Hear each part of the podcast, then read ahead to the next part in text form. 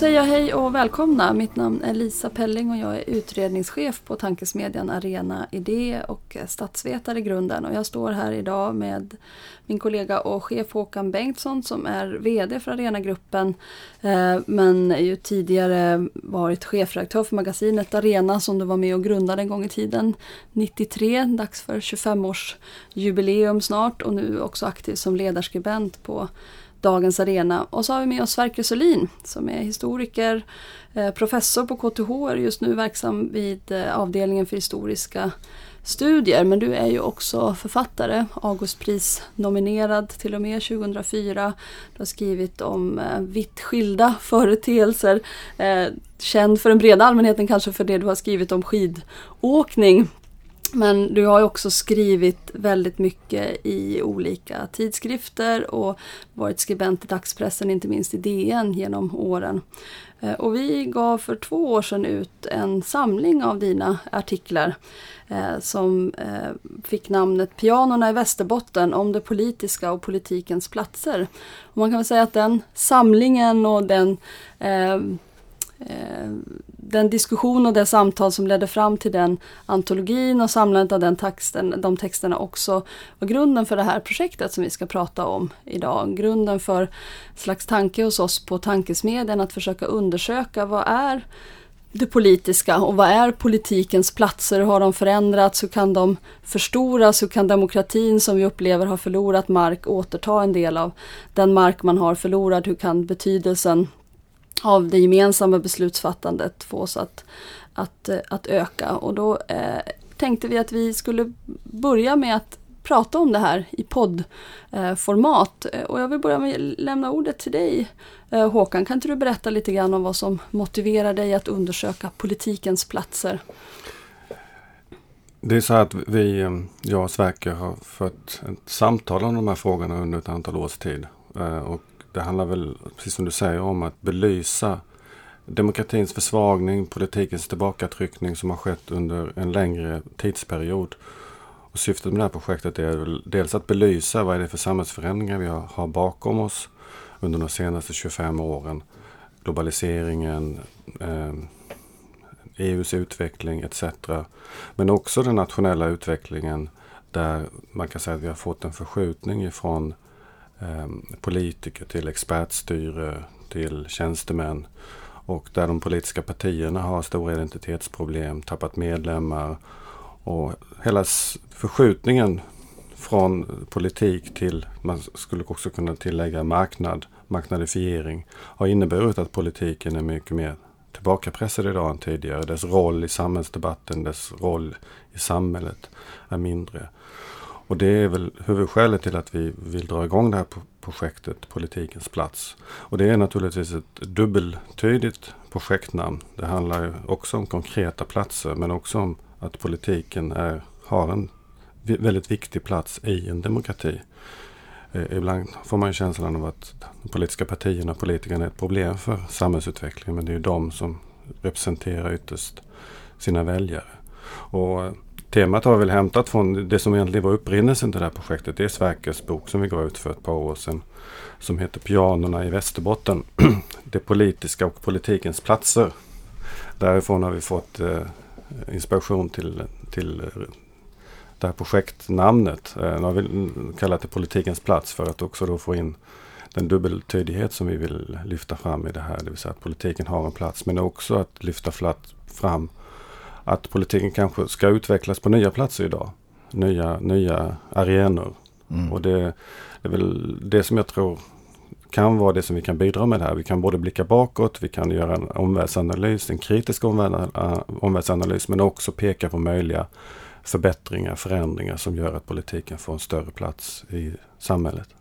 Vi ska komma tillbaka till sen vad det innebär när en tankesmedja gör ett projekt, vilka verktyg vi har, hur man tänker sig att man ger sig i kast med de här frågorna. Men jag gjorde ordet eh, till dig eh, Sverker, eh, politikens plats. Du har de senaste veckorna varit aktuell i debatten kring Riksrevisionen. En sån institution som ju har att bevaka att politiska beslut utförs som det är, är, är tänkt. Man kan säga att de liksom bevakar det politiska beslutsfattandet beslutsfattare men har sig själva också blivit föremål för konflikt i hur de tolkar politiken och de tolkar demokratiskt fattade eh, beslut. Jo, det är riktigt. Jag hade väl kanske aldrig trott att jag någonsin skulle debattera Riksrevisionen. Eh, och det, det, men att jag nu gjorde det, det hänger nog ihop med att jag inte... Alltså det, de här interna kontroverserna och missgreppen och så inom myndigheten, hur den har skötts internt, de intresserar mig faktiskt inte särskilt mycket, måste jag säga. Jag är väl liksom lite småupprörd som alla kan vara och förbluffad och så, men det, det som jag tycker jag tänker på när jag, när jag, ser det här, det är väl liksom att man, vad man ser är toppen av ett isberg. Men under ytan så finns det betydligt större processer och då tycker jag nog att det mönster jag ser är eh, hur eh, många myndigheter, Riksrevisionen, Riksbanken och eh, egentligen myndigheter över alla sektorer har genomgått en stor förändring under en följd av år och årtionden faktiskt där de eh, mer och mer har styrs, styrts av eh, olika typer av föreställningar om effektivitet. Och jag tror att effektivitetsbegreppet här då, det är ju inte ett ingenjörsmässigt begrepp bara, så att ungefär som en motor ska vara effektiv. Utan, mm. men, men, man kan ändå ha den bilden i bakhuvudet därför att jag tror att tanken, eh, utan begreppet är i huvudsak hämtat från den ekonomiska sfären. Att det går att göra saker, man ska och bör göra saker så effektivt som möjligt och effektivitetens Effektiviteten eh, blir då ett överordnat mål eh, medan man tenderar att tänka mindre och mindre på vad verksamheten egentligen är till för. Och eh, det här eh, har ju, jag, jag skulle vilja se det här som en sorts samhällsteknologi som, eh, eller som ett inslag i en samhällsteknologi som har fått allt mer eh, utbredning under andra halvan av 1900-talet särskilt. Så jag ser det ju, eh, det är väl ingen slump att jag är historiker, jag ser det här mer som en, som en historisk rörelse som nu har fått väldigt genomgripande effekter på, på samhället och konsekvenser för, för, för myndigheternas sätt att fungera och, och även att inte fungera. Mm. Eh, för det finns någon form av komplicerat och lite problematiskt förhållande då mellan effektiviteten som ju låter bra och, eh, och det man egentligen vill att politiska beslut och reformer ska uppnå. Och att jag till slut ändå reagerade just på Riksrevisionen det var väl dels att just det här sades inte i debatten. Man var helt besatt av de här missgreppen och formella felen och sådär. Men också därför att den, det här, det gick att synliggöra större problem genom att ta upp just Riksrevisionen. Sen hade jag faktiskt också en mm. personlig färsk erfarenhet av Riksrevisionen. Jag var inkallad som expert i ett ärende och eh, jag var inkallad förstås för att det var ett område jag kunde mycket väl och sådär hade jobbat med under lång tid. Och när jag då såg vad man hade gjort med detta, mm. hur man närmade sig denna intressanta och svåra samhällsfråga som det ju gällde. Men, men vilka otroligt trubbiga mm. instrument. Mm. Det är liksom bara om skattepengarna användes korrekt och sådär. Eller inte, inte korrekt, för det, det, ska man göra, men utan effektivt blev var mål, liksom det man var intresserad av. Då blev det, tyckte jag, jag började verkligen undra över det rimliga i denna ansats. Eh, kan man säga att det handlar om både att effektivitet blir det allt överordnade målet men också att effektiviteten mäts med måttstockar som framförallt ekonomer använder sig av. Ja. Att det, det, mäts i kronor och ören och det är en ekonomistisk syn på effektivitet som, som dominerar. Ja, det tror jag man kan säga. Och det, det tror jag inte är så konstigt heller. Därför att vad ska man annars mäta med?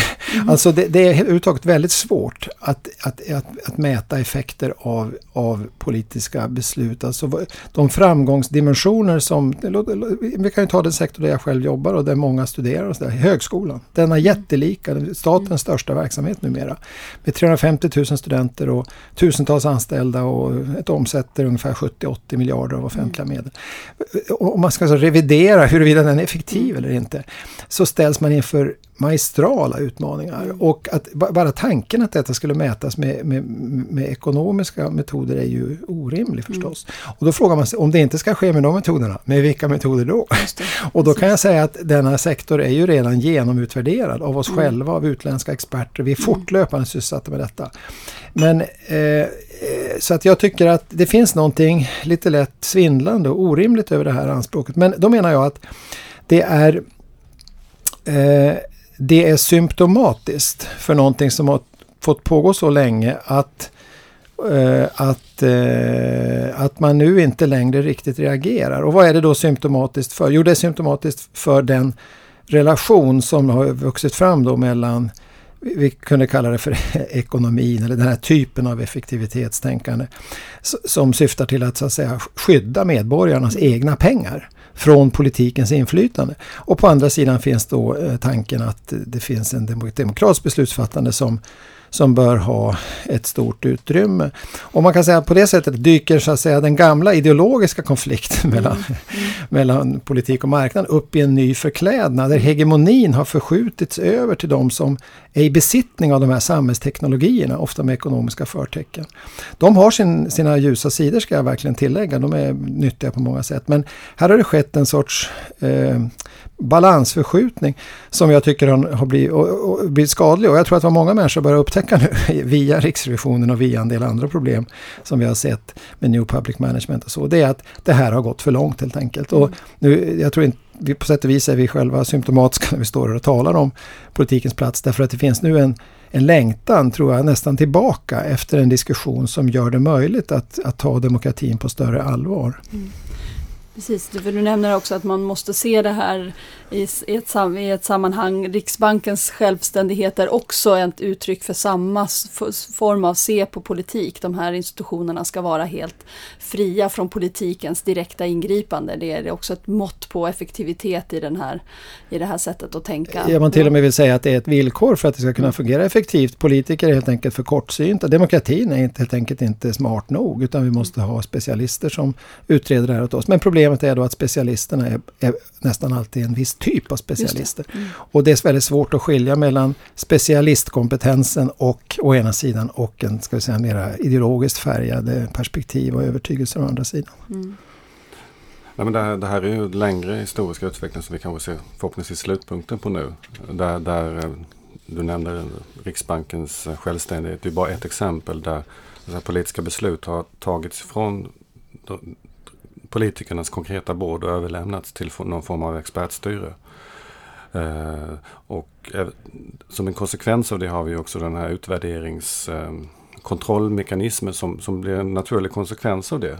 Och då, Riksrevisionen är ett exempel, men vi har även ett finanspolitiskt råd som då ska granska eh, regeringens ekonomiska politik som om det funnits, finns en, en objektiv bild av detta. Den är ju i grunden baserad eller Eh, handlar om olika politiska värderingar och eh, avvägningar mellan olika mål.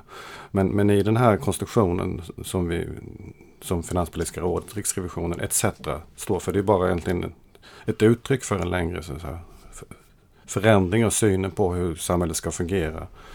Så, så, så har den politiska rollen förminskats. och New Public Management är ett sådant exempel tycker jag där, där inte minst kommunpolitiker, landstingspolitikers roll egentligen eh, har förminskats till att vara en upphandlare och bedöma vem som ska utföra vissa tjänster istället för att konkret styra dem. Mm. Och det, det, här, eh, det, här, det här förminskar ju också politiken och det, det skulle jag vilja säga också ett skäl till att politiken och de politiska partierna har en kris. För vad ska, man, vad ska man göra konkret när man är så regelstyrd? Och det är ju den, tycker jag, den stora paradoxen. Vi har, alltså Sverige har genomgått stora samhällsförändringar de senaste 25-30 åren. Från ett väldigt stats styrt samhälle. Den offentliga sektorn var väldigt stor. Till ett, och då, då kom det en kritik mot den här mm. statscentralismen som handlade om att låt oss få, få möjlighet att, att experimentera mer. Mm. Låt oss få möjlighet att starta friskolor, eh, prova olika pedagogik i skolan och mm. så vidare. Och sen så ledde det här över till allt avreglerades plötsligt mm. och vi har då fått väldigt många privata alternativ. Och så ser man att det här inte fungerar och som ett svar på det får vi krav på ytterligare reglering. Mm. Uh, och det är också en konsekvens av det här utvärderingstänkandet. Mm. Uh, och det är en stark, stark tendens nu när det gäller debatten att när, när, man har det här avreglerade systemet så istället för att ha en politisk värdering så blir det då regelstyrt, lagstyrt. Mm. Och där kommer juridikens ökade, ökade roll in, in, in mm. i det politiska fältet. Så att, mm reglera hur marknaden ska fungera för att Exakt. den inte ska löpa amok fullständigt. Ja. Mm. Men alltså jag, jag, tycker det är viktigt att knyta tillbaka till 80 och 90-talsdiskussionen när det här avregleringarna kom.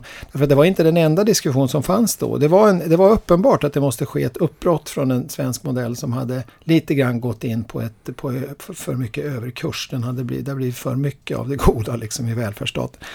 Det måste förändras. Och då fanns det ju en vital diskussion om civilsamhällets möjligheter, om egen makt och så vidare. Parallellt med att det fördes en mer nyliberalt eh, inspirerad diskussion.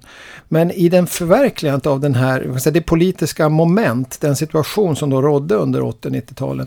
Resultatet av det blev i stort sett genomgående att de eh, ska säga, marknadsorienterade lösningarna vann. Det var ett koncept som sen tog, tog för sig det mesta utrymmet. Och sen tror jag att när väl eh, den första avregleringen hade, hade gjorts på 80-talet så så, så tror jag att det liksom fick ett sorts, det blev en snöbollseffekt, en hegemonisk effekt och ingen motkraft riktigt kunde formuleras. Vilket ju också gjorde att att den här eh, revolutionen kan vi nästan prata om, den genomfördes ju inte bara av högerpolitiker utan även av socialdemokrater. Alltså det fanns väldigt lite motstånd. Det var också, tror jag, väldigt attraktivt för många politiker, både på kommunal och regional nivå, att få tydliga redskap. Det här med teknologi tror jag är väldigt viktigt att betona. Det är en, en verktygslåda där full av grejer som man spakar man kan dra i för att värdera fram, mäta framgång och sådär. Mm.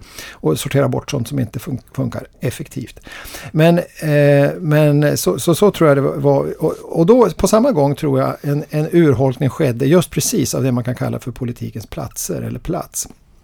Politik och demokratiskt deltagande sker ju, eller har ju i alla fall under 1900-talet skett i, i, specifika miljöer. Vi kan tänka på Medborgarhuset, Folkets hus, vi kan tänka på de politiska mötena, de olika organisationerna, eh, fackföreningsrörelsen, olika folkrörelser av skilda slag och sådär. Vilket är i hög grad yttringar just av det civila samhället.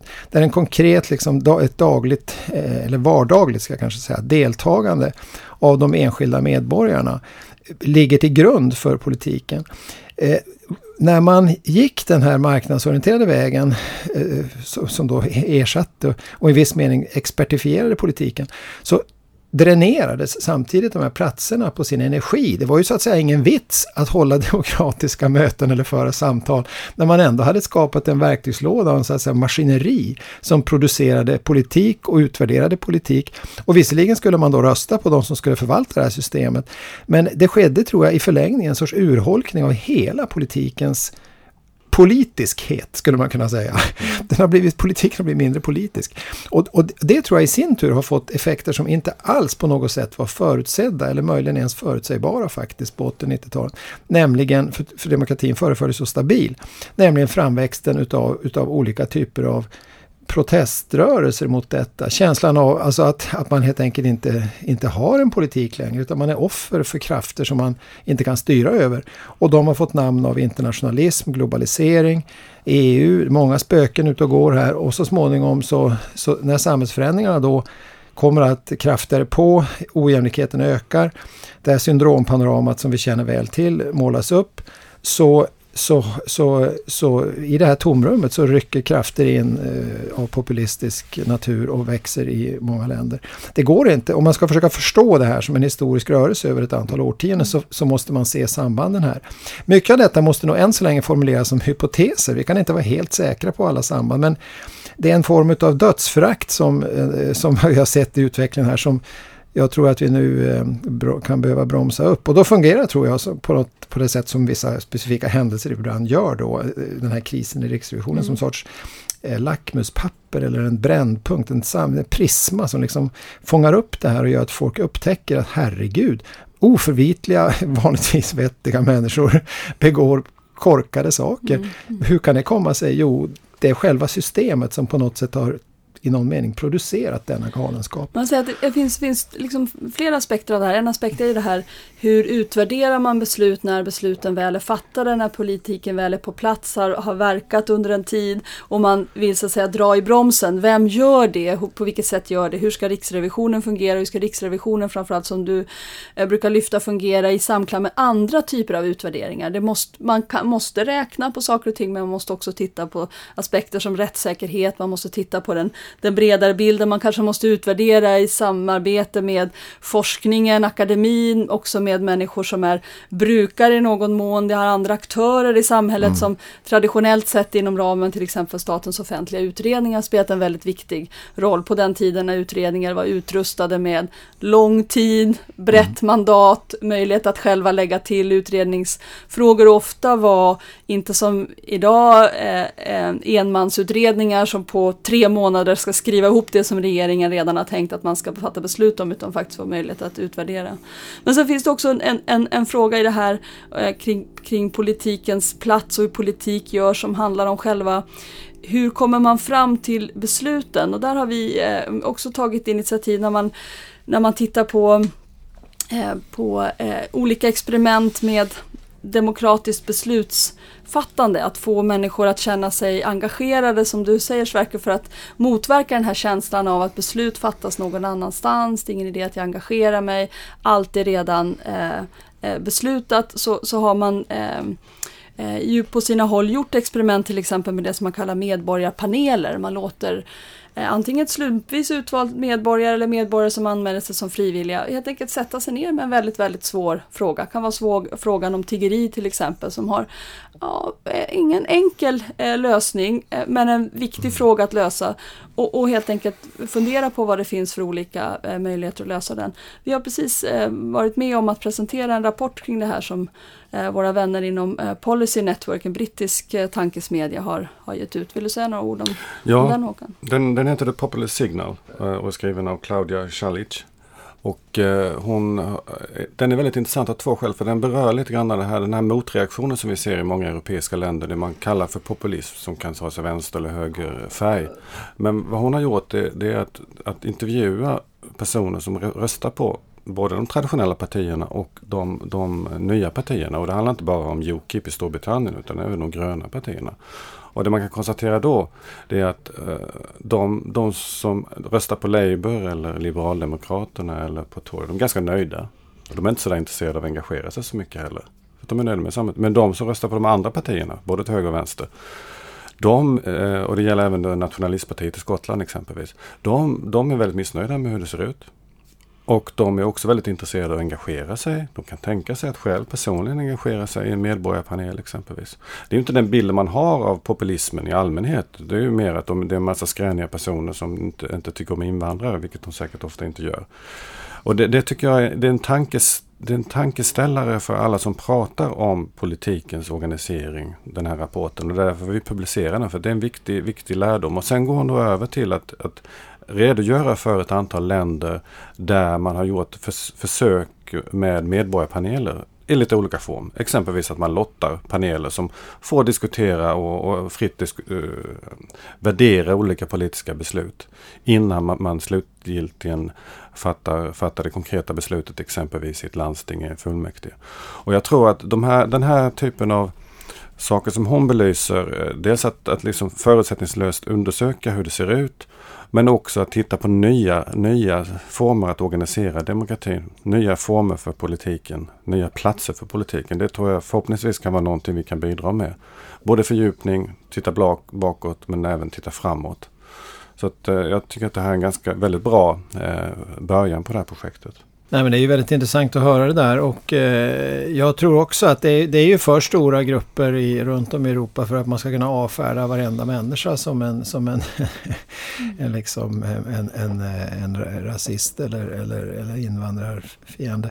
Det finns, eh, en, under, det finns förstås väldigt gott om sånt också men, men under alltsammans finns någon form av mera generell och kanske lite oartikulerad misstro, missnöje.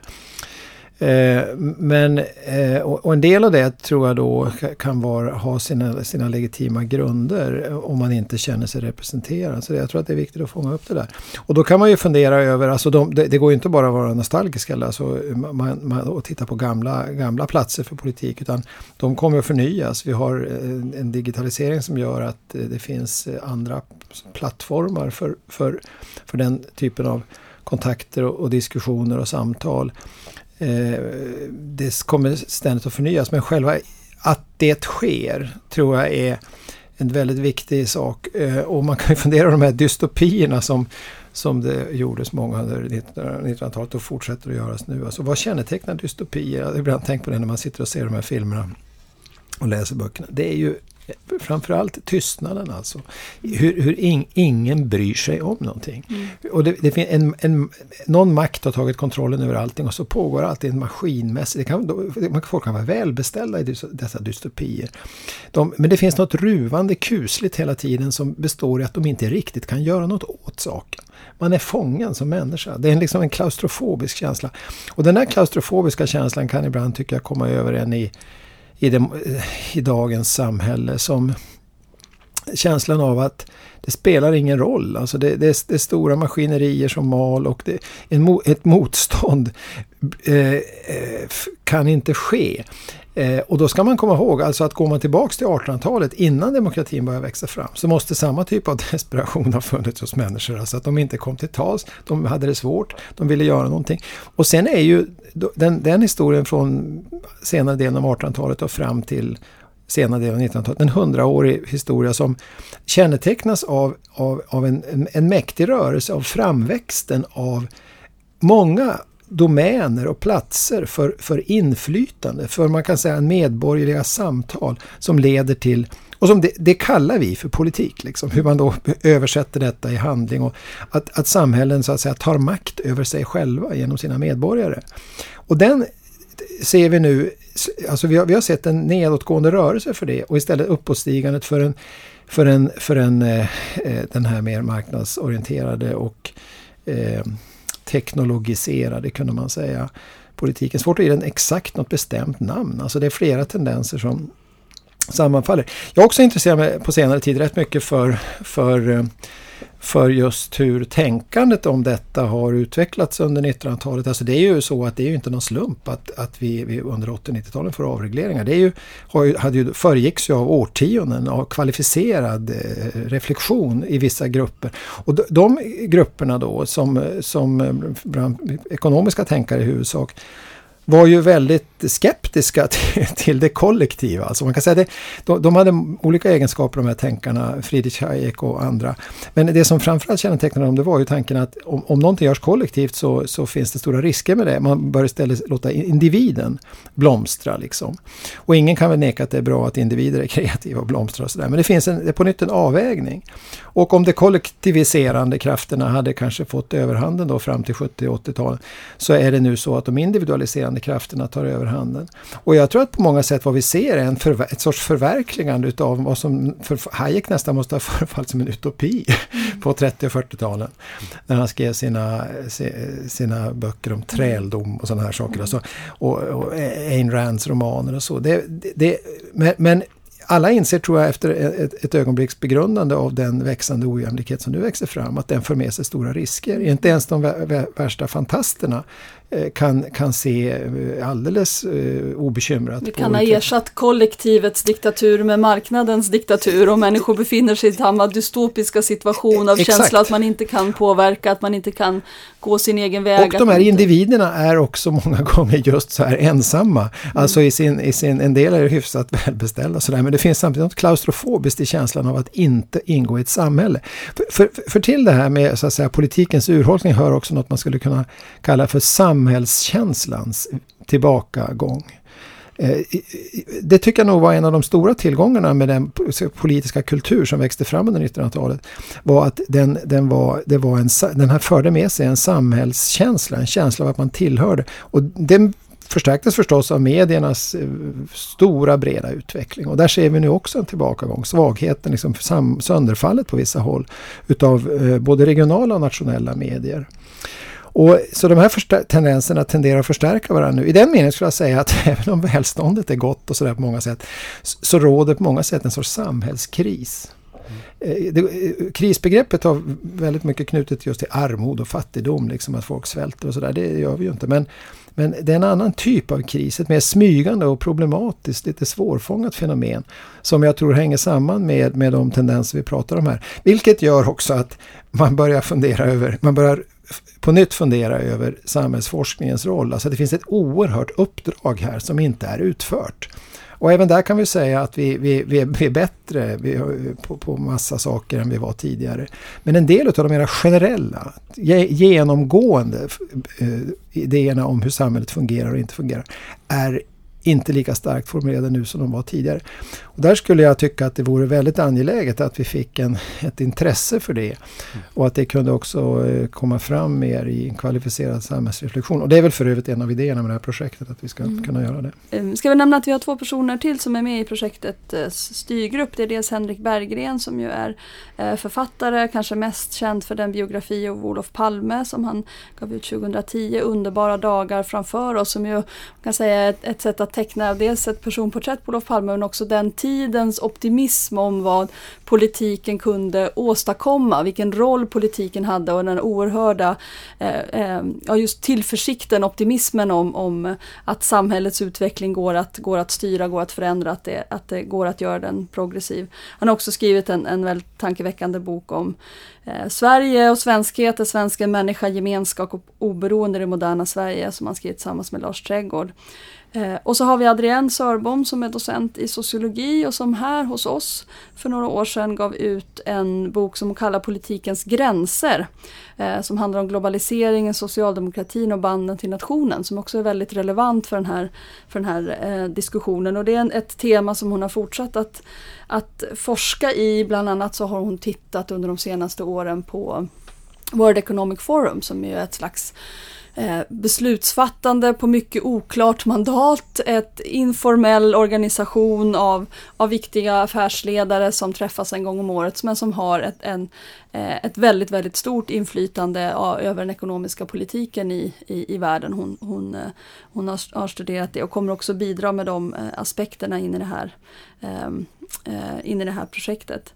Ehm, ska vi säga man kan säga också att eh, båda två kommer, kommer att bidra i projektet men förhoppningsvis många andra som vi kommer att bjuda in. Och det här kan man se, projektet Politikens plats är en plattform för en diskussion om de här stora frågorna vi, vi, vi, vi lyfter här i den, det här samtalet.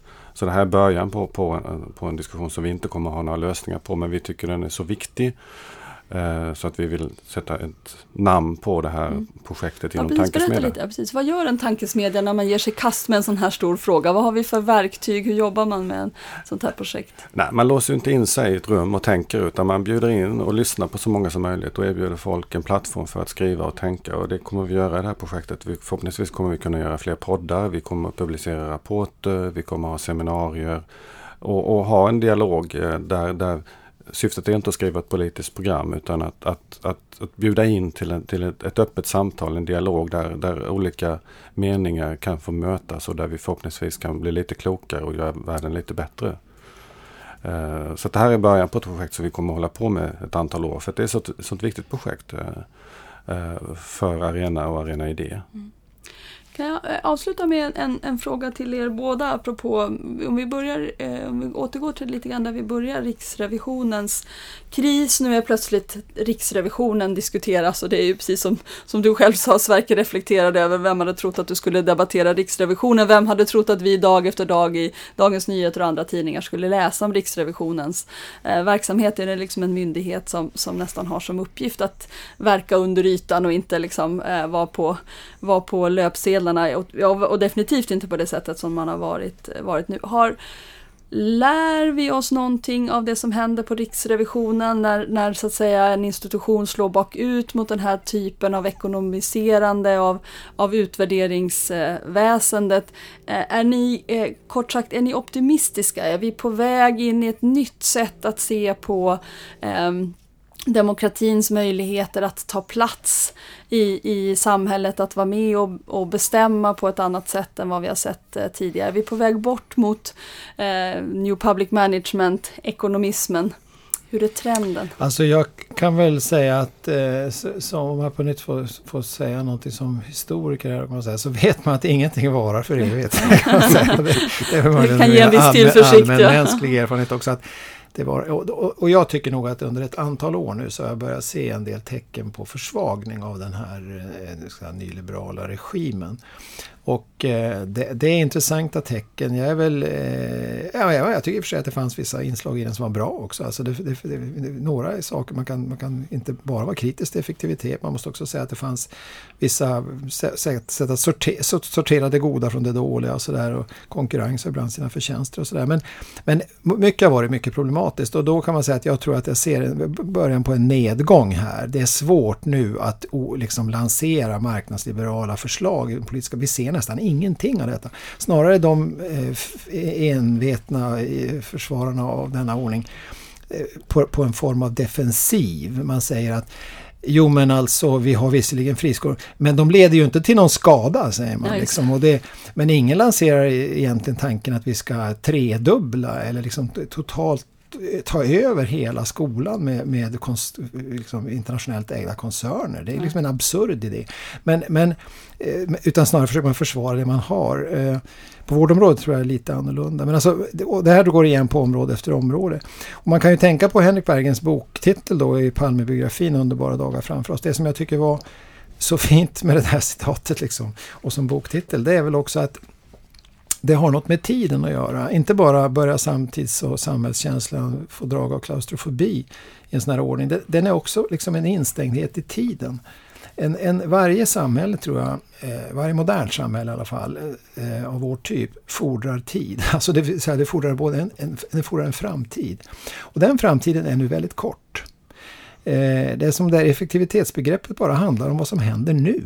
Det finns inga löften utställda på framtiden. Det finns inga drömmar och visioner och föreställningar om ett bättre tillstånd. Det är som om detta har så att säga, också dränerats ut ur politiken. Och det tror jag i längden är ett ohållbart tillstånd. Eh, och, och denna, denna framtid, det, för, det, det förutsätter också en, ett förflutet. Det förutsätter ett sammanbindande av det förflutna och nu, nuet och framtiden. Som, som jag tror att vi mer och mer börjar sakna. Så att det är väl också ett, ett tecken på att vi, eh, att, vi, att vi för ett samtal som, som är möjligt att föra och som känns angeläget. Man kan väl säga också att efter, efter finanskraschen 2008 så, så ser världen annorlunda ut. För där, där försvann ju också idén om de självreglerande fungerande marknaderna. Eh, på sätt och vis kan vi säga att vi lever i tomrummet från den, den, eh, den kraschen fortfarande. Där vi inte riktigt vet vilken väg världen, Europa kommer ta. Eh, det finns ett behov av ett nytt perspektiv och det, det, är viktigt att lyfta fram och det kanske vi kan bidra med på marginalen eh, och med goda tankar och goda idéer och goda förslag. Men det är klart, det finns ju skäl att vara orolig om man tittar ut över Europa idag. Där många av de liberala värderingar för, för mänskliga rättigheter ersätts av konservativa auktoritära föreställningar om nationen och, och, och vad, vad, vad, vad, det innebär att vara medborgare i ett land och så vidare. Eh, det behöver inte gå så långt längre. Det gör att det, det, det, finns också vara orolig och det gör också behovet av den här diskussionen ännu större. Eh, efter murens fall så pratar man ju om historiens slut. Och vad vi kan konstatera är att historien tar inte slut. Frågan är vilken vändning, vilken väg vi ska ta nu. Mm försiktig optimism om att eh, den vändning som vi kanske ser leder eh, eh till, åt ett bra håll, åt ett progressivt eh, eh håll. Eh, vi avslutar där med en inbjudan att, att eh, engagera sig i det här eh, projektet. Har du texter, tankar, funderingar. Eh, kom till våra seminarier. Följ utgivningen som kommer att eh, starta nu. Det blir rapporter som Håkan säger, en del kortare texter, kanske också längre texter så småningom. Vi kommer återkomma i det här formatet som, eh, som podcast.